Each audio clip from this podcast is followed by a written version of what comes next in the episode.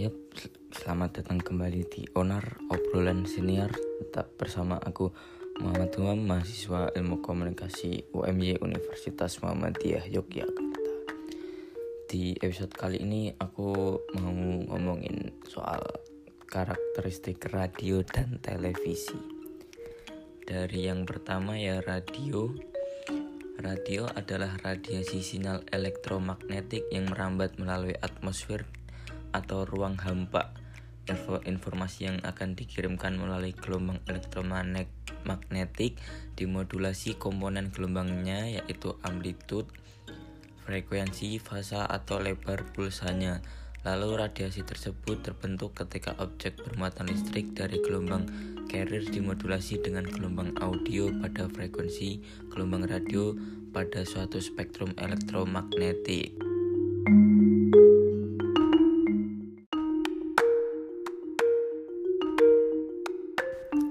Lalu sedikit ciri-ciri radio dapat didengar bila siaran, dapat didengar kembali bila diputar kembali, daya rangsang rendah, elektris, relatif murah, dan daya jangkau yang luas. Lalu masuk ke karakteristik khas radio. Yang pertama adalah imajinatif. Radio bersifat theater of mind yang artinya radio mampu menciptakan gambar max picture dalam pikiran pendengar walaupun kekuatan eh, melalui kekuatan kata dan suara. Lalu auditori pendengar tidak akan dapat mendengar kembali rehearing informasi yang tidak jelas diterimanya karena ia tidak bisa meminta kepada komunikator untuk mengulang informasi yang hilang kecuali ia merekamnya.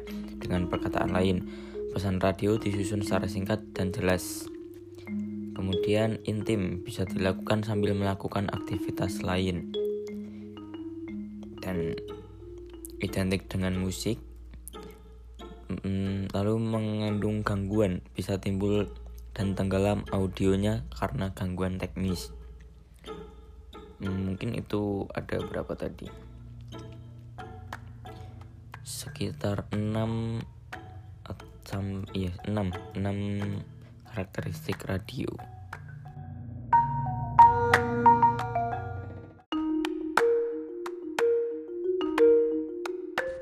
Kemudian lanjut ke televisi. Televisi adalah sebuah media telekomunikasi terkenal yang berfungsi sebagai penerima siaran gambar bergerak beserta suara, baik itu yang monokrom, hitam putih maupun ber berwarna. Kata televisi merupakan gabungan dari kata tele yang berarti jauh dari bahasa Yunani dan visio penglihatan dari bahasa Latin.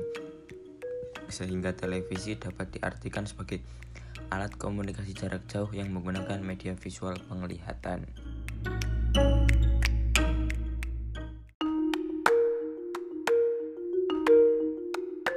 Masuk ke karakteristiknya, televisi yang pertama adalah audio visual, yaitu mendengar dan memandang. Yang kedua, berpikir dalam menggambar. Dalam tahap ini dilakukan dua proses, Pertama, visualisasi yaitu menerjemahkan kata-kata yang mengandung gagasan yang menjadi gambar. Yang kedua, penggambaran yakni kegiatan merangkai gambar individu sedemikian rupa sehingga kontinuitas mengandung makna tertentu. Yang ketiga adalah pengoperasian cara kerja yang kompleks. Yang keempat, kekuatan televisi ada tiga. Yang pertama, detail. Yang kedua, daya rangsang yang tinggi. Yang ketiga adalah teknologi yang sangat modern lalu menggoda, mudah ditiru dan berjangkauan luas antara nasional, regional sampai internasional. Ya, mungkin itu ya karakteristik dari televisi dan radio.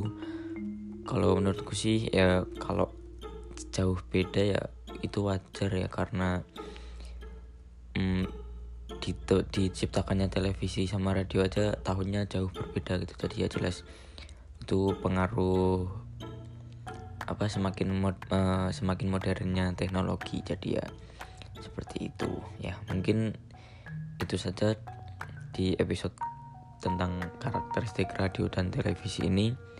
Semoga bertemu kembali di episode berikutnya bersama aku Muhammad Umam keep honor